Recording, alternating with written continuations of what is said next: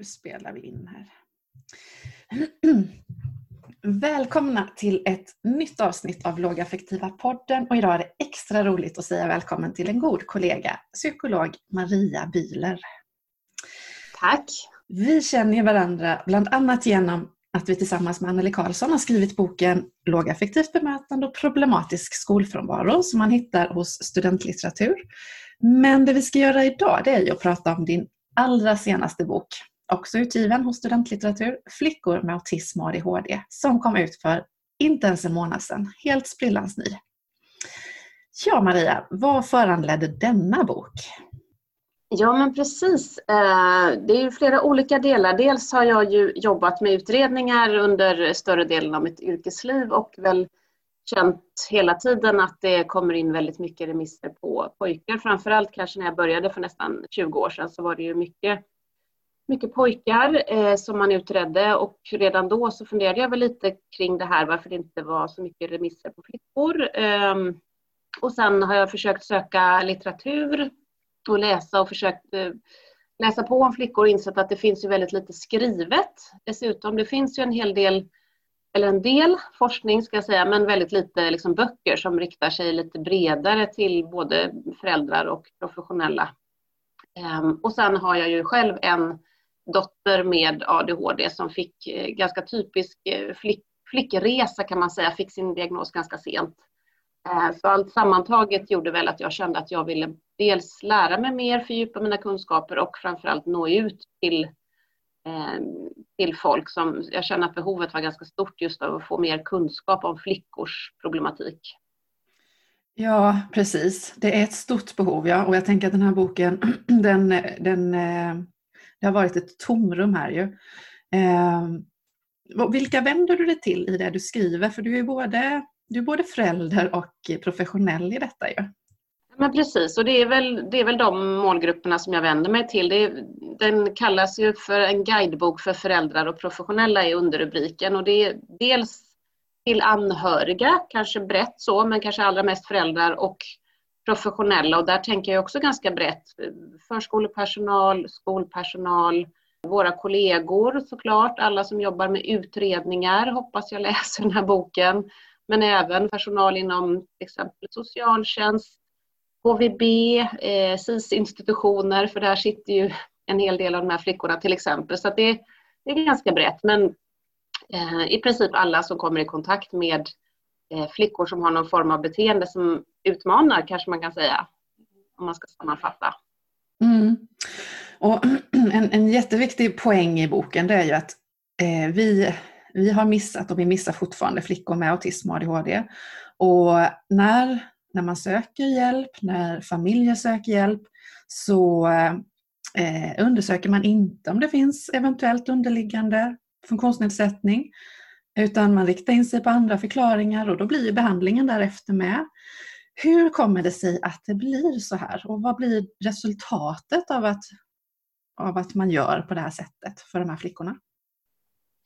Ja, det, det, är väl just den, den faktorn som jag ändå tänker verkligen är så fortfarande. Ibland får jag höra nu när min bok har släppts att ja, men det, här, det här vet vi och, och sådär. Men, men fortfarande så är ju bilden som jag möter i princip varje vecka i mina olika kontakter att flickor kommer till första linjen, till eh, barn och ungdomspsykiatrin och även inom, inom skola och förskola. Att man inte inte liksom förstår och just har andra förklaringsmodeller som du säger Therese. Och där finns det ju en, en, eh, en tradition, tänker jag, av att just koppla flickors problematik mer till att man, man har ofta liksom någon slags känslomässig förklaring, att det är något emotionellt hos flickan som gör att hon har svårigheter eller att det är svårigheter i hemmet kan man väl säga. Att det är de två, man ska grovt generalisera, som man ofta eh, tar till.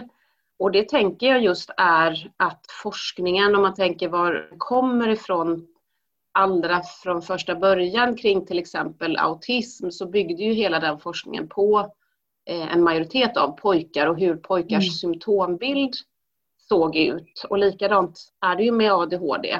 Eh, och då eftersom flickors symptombild ser lite annorlunda ut så, så blir det liksom svårt, tänker jag, om man ska försöka förstå det här, att man då förstår att det här som vi ser hos flickan, det kan också vara ADHD eller autism, fastän bilden är på ytan ganska olika.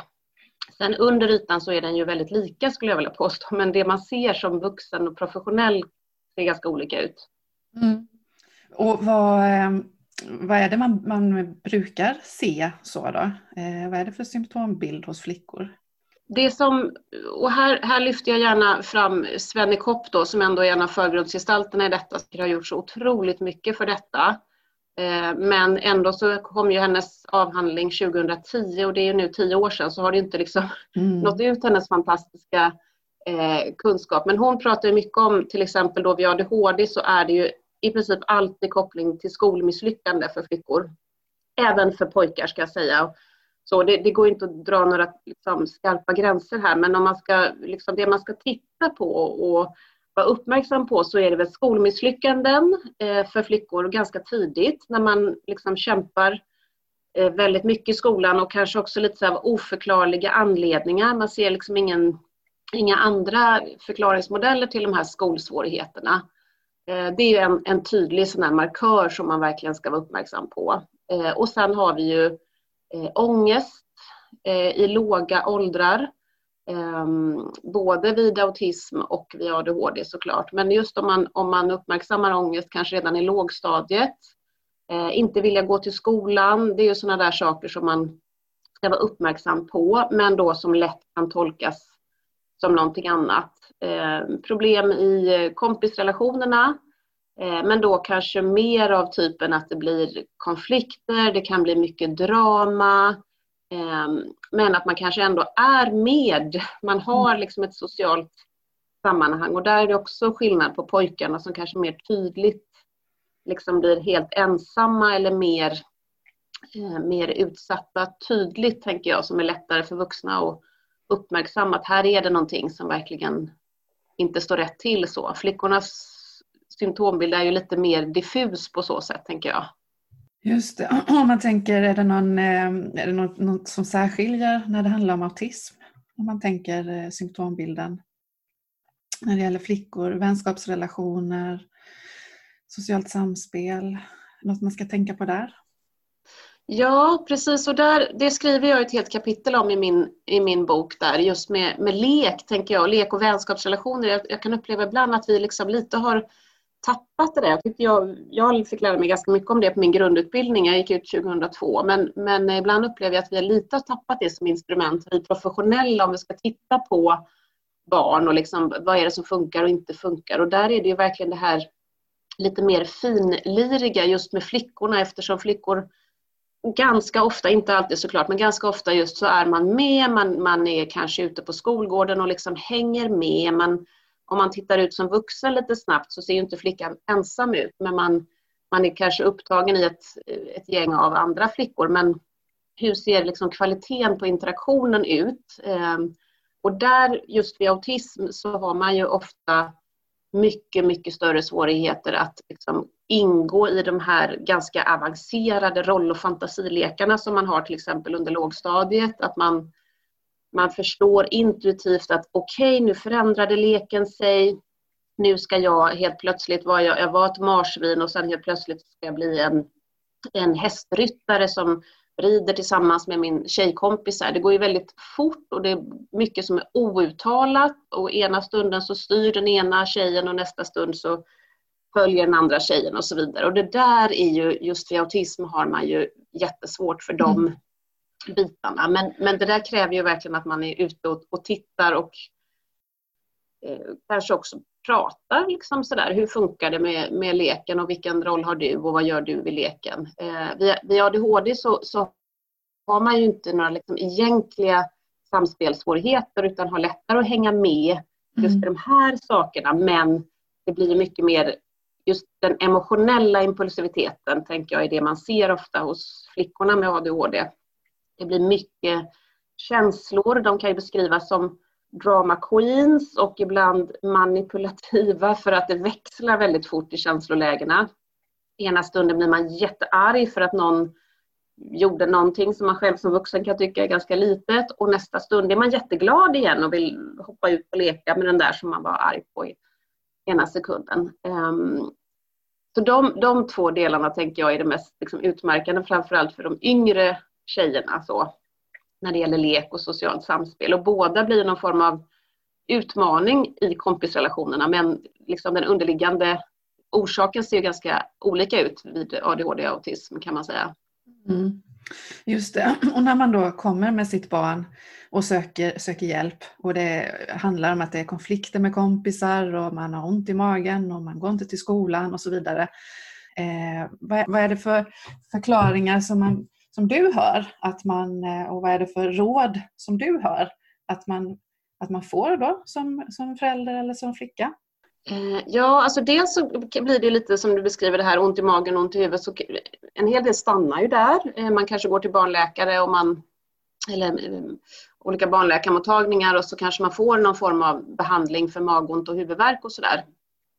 Och det blir ett problem i sig, tänker jag. Man kanske söker första linjen eller någon, någon psykolog eller kurator för att man har problem med kompisar och så återigen så stannar det där. Där skulle jag önska att man liksom ibland kunde i alla fall utforska lite grann, just lite bredare sådär och kan det finnas någonting annat. Um, sen, sen ibland på vissa håll, framförallt kanske just när det gäller det som händer i skolan och interaktionen mellan skola och hem så kan det ju bli lite olyckliga förklaringsmodeller där. Där man kanske är lite för snabb och tänker att saker har att göra med det som händer i hemmet. Ibland kan det ju vara så här att man i hemmet har det varit kanske en, en skilsmässa eller någonting som har hänt i hemmet. Eh, eller att föräldrarna jobbar mycket eller föräldrarna har blivit av med jobbet. Det, händer ju mycket i alla familjers liv. Och ibland är man lite snabb och liksom dra mm, korrelationer tycker jag mellan just att okej, okay, vi har en flicka som har svårt med kompisar, har ont i huvudet, ont i magen kämpar i skolan, ja, men det kanske beror på att det har hänt någonting i familjen. Det kan ju vara en del, men jag skulle verkligen önska att man kunde vara lite mer, liksom, ha lite mer is i magen och lite mer utforskande. Så att okej, okay, det här har hänt, det kan vara en bidragande orsak, men vi kanske behöver titta på flera områden. Mm. Och föräldrar kanske också ganska tydligt säger att det här har funnits med och sen hon var liten. Det har inte bara att göra med det här som har hänt just nu i vår familj.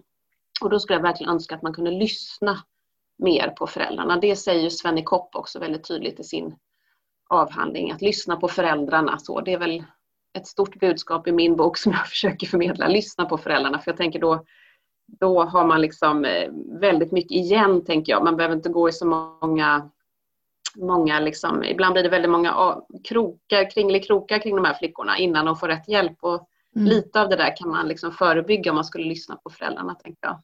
Mm.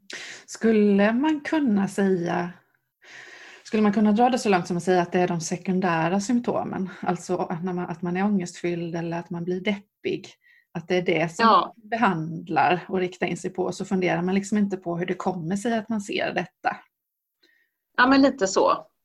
I, i sämsta fall. Sen, sen är det klart att det finns, det finns absolut duktigt folk och kunskapen ökar hela tiden, men om man ska grovt generalisera så är det väl lite så kan jag tycka ibland att man och det är inte bara jag som tycker utan jag bygger ju rätt mycket på forskning i min bok där man faktiskt ser detta också. Många tunga forskare inom fältet säger ju detta också och ser liksom vuxna kvinnor som har kanske haft kontakter med psykiatrin i många år men ändå liksom bara får behandling för depression och ångest. Nu gjorde jag situationstecken men det är ingen som ser det kommer jag på här. Men bara, det, det, är inte att det är dåligt att få behandling för, för depression och ångest men ganska ganska ofta så handlar det också om någonting annat bakom som man då har missat. Liksom. Mm. Och det blir väldigt olyckligt. Mm, ja, det blir verkligen olyckligt. Mycket skuld och skam tänker jag. Eh, ja. Mm. Eh, vad är det för förmågor som är involverade i eh, autism och ADHD som vi behöver förstå oss på Eh, för att vi inte ska bara gå på eh, ja, de här sekundära symptomen, om man ska säga. Vad är det, skulle du kunna lite enkelt förklara vad är det för några outvecklade eller bristande förmågor som är involverade? Ja, precis. Eh, alltså vid ADHD så har vi ju såklart hela det här eh, spektrat av man har bristande förmåga till fokus och koncentration i kärnan i mm. ADHD och eh, hyperaktivitet och impulsivitet. Sen, sen har vi ju tycker jag, kanske det allra viktigaste om man som professionell för att liksom faktiskt förstå eh, och upptäcka så handlar det mycket om det här eh, motivationsberoendet. Att man är så kraftigt luststyrd. Det skriver Björn Roslund fantastiskt om i sin bok Kaja ADHD som jag rekommenderar till alla som vill lära sig mer om ADHD. Eh, där han också liksom beskriver hur det finns neuroanatomiska, alltså på hjärn hjärnnivå har man sett att det skiljer ut sig liksom, hur hjärnan funkar. Eh, och just att man har behov av, eh, det, det, måste vara kul. Annars så går det inte, annars så får man nästan en liksom, allergisk reaktion, brukar jag prata om lite slarvigt. Och det är klart att det inte är en allergisk reaktion som vid jordnötsallergi, men, men liksom, det blir en fysisk reaktion. Man kan inte jobba om man tycker det är tråkigt vid ADHD. Och det där tycker jag ofta är en sån missuppfattning där man då som vuxen lite ändå kan tycka att ja, men alla måste lära sig att ha tråkigt, får jag höra ganska ofta kring de här barnen. Och det, där är det ju så att det kommer inte en del kunna lära sig. Vid ADHD kan man inte lära sig, utan detta är någonting som man får liksom leva med hela livet och hitta strategier för. Eh, så det tänker jag verkligen är någonting som man behöver tänka kring som vuxen och professionell. Och sen har vi den här impulsiviteten som då vi flickor handlar inte bara såklart, det finns ju vanlig impulsivitet som att man, man gör saker för fort, man säger saker för fort. Men också det här emotionella, att känslorna liksom, det är ett flipperspel, tänker jag, lite så här, när det gäller känslor vid ADHD. Att det bara kommer och det blir väldigt kraftfullt. Och det går väldigt fort över och sen kommer det en ny känsla. Mm. Ehm, så. Ehm, vid autism så, eh, så har vi ju, kärnan är ju då socialt samspel, att man har svårt med det, svårare än andra. Ehm, jag jobbade tillsammans med en läkare förut som brukar prata om det sociala GPS-systemet som inte är påslaget vid autism. Jag tycker det är en bra jämförelse, att man har inte det här intuitiva, man vet inte på samma snabba sätt hur man ska svara på folks, vad folk säger, hur folk uttrycker sig och sådär.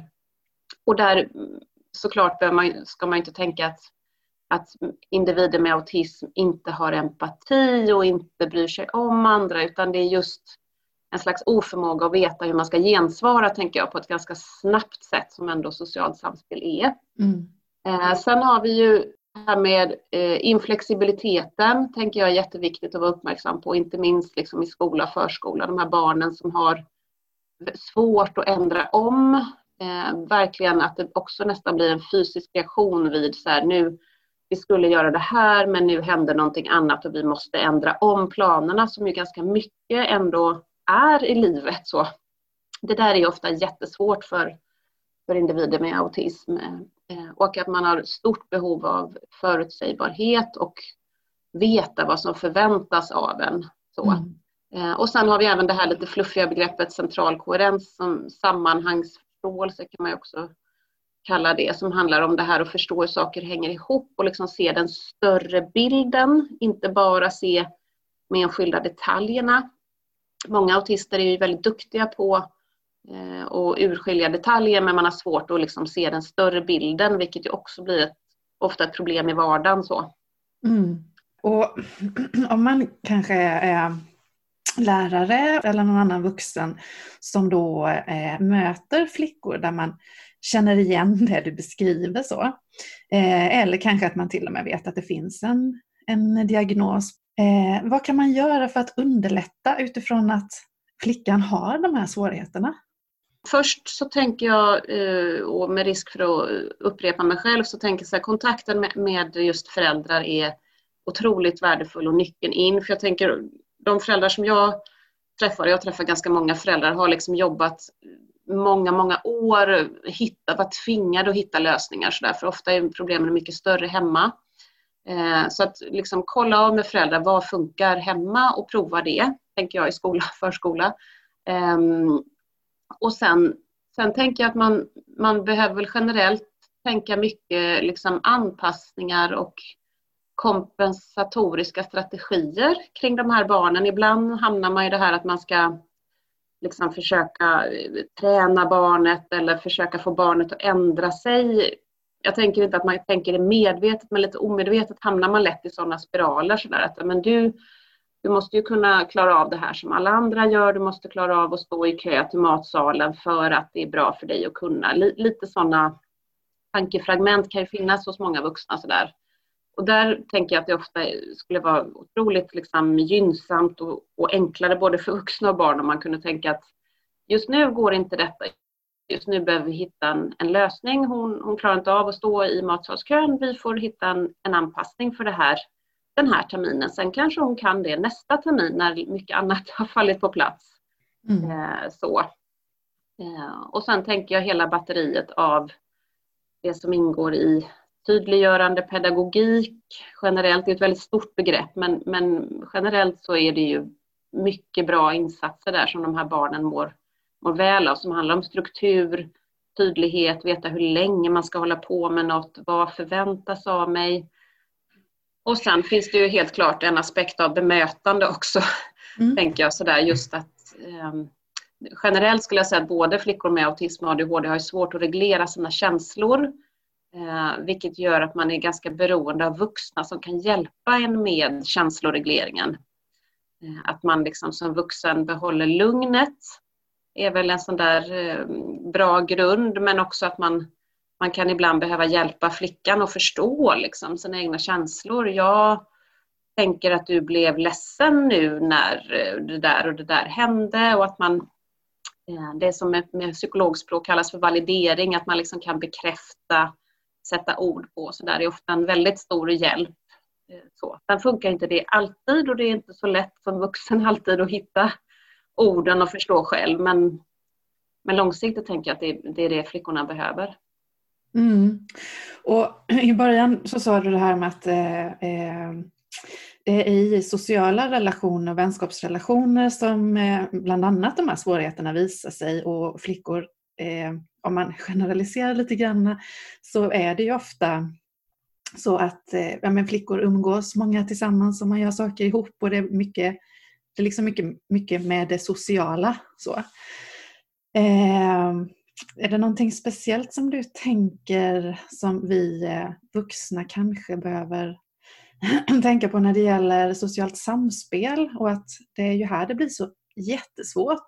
Och kanske är det också här mm. där vi förväntar oss att fastän flickor vill vara tillsammans med andra och de är experter på eh, ja, socialt samspel och att relatera, att man kanske eh, ja, man, man överskattar att flickorna ska reda ut och klara och att det blir drama, ja men det är så tjejer är och så vidare. Jag tänker det finns så många fallgropar mm. i den där kombinationen. Mm, verkligen, ja men det håller jag med om och där tyckte jag det var spännande att ta del av, av forskningen kring det där. Det finns en del eh, som har forskat just på på flickors vänskap och flickor med, med autism i det här fallet. Då. Där, där finns det ju dels en aspekt av att det ställs mycket högre krav på eh, flickors vänskapsrelation, eller de är mer kravfyllda kan man säga. Att det, man ska både kunna, liksom, det här med det exekutiva, kunna planera, hålla avtalade tider, eh, hela den biten som ju ofta blir en svårighet och sen att det är mycket det här eh, man pratar ju med mer, om man ska generalisera, just det känslomässiga stöttandet i flickors och kvinnors vänskap än pojkars och mäns vänskap som man liksom checkar av varandra på ett annat sätt när det gäller just känslor eh, för flickors del och det ställer ju såklart högre krav, kanske framförallt vid autism men även vid ADHD där man ofta missar mycket för man är så impulsiv. Eh, så tänker jag. Och det, är, det är en del av, av det hela. Sen, sen var det spännande tycker jag att läsa en del forskning där man har sett att, att flickor med autism till exempel, de, eh, de kan vara lika bra på det här eh, eh, emotionella och hade liksom ganska mycket lika vänskapsrelationer som, som neurotypiskt utvecklade flickor, men på, på vissa aspekter. Och sen var det ändå, det blev mer konflikter och de här flickorna hade ofta färre, färre vänskapsrelationer än neurotypiskt utvecklade flickor. Men, men de hade samma drivkraft kan man säga, lika viktigt liksom med de här emotionella bitarna som för neurotypiskt utvecklade flickor. Och det, det gör ju just det här att det är svårare att urskilja, tänker jag, för vuxna. Eh, och sen, sen tänker jag att det man behöver ha med sig som vuxen är väl att det här tar mer energi för flickorna, både med eh, ADHD och autism, så tänker jag att vänskapsrelationer liksom kostar lite mer. Det är lika viktigt som för neurotypiskt utvecklade flickor, men flickorna blir tröttare, flickorna med ADHD och autism. Och det kan man ju behöva väga in, tänker jag. Så behöver vi lägga in mer pauser. För flickan behöver vi liksom avgränsa, tänker jag, att man ofta behöver jobba med, både i förskola och skola. Där behöver vi se till att flickan kan sitta lite mer själv med en tjejkompis och hålla på med någonting här så det inte blir alla de här intrycken som ju också ofta blir liksom en belastning sådär. Eh, och sen tänker jag att man, det är inte fel att tänka det här som en del skolor nu har börjat med, med mer organiserade rastaktiviteter, att man är med som vuxen och styr upp, ger en tydligare struktur och ram, tänker jag ofta ändå gynnar de här flickorna som, som ju lätt liksom går lite vilse på en stor skolgård där man själv ska navigera och det är jättemycket intryck och sådär. Ehm. Ja, och om man nu då har lyssnat på det här avsnittet och är förälder och så känner man igen sin, eh, sin dotter i det du har sagt, vad gör man då?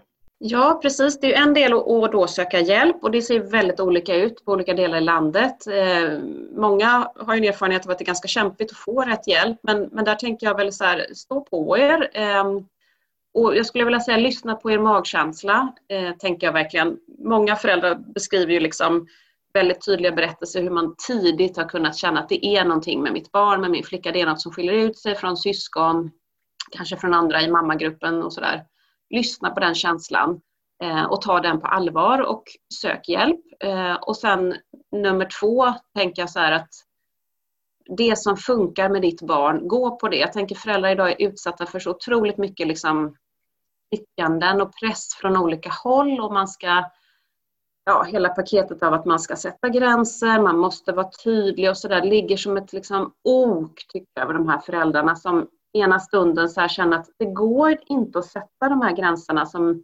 mina kompisar kan göra med sina barn för då får vi kaos hemma.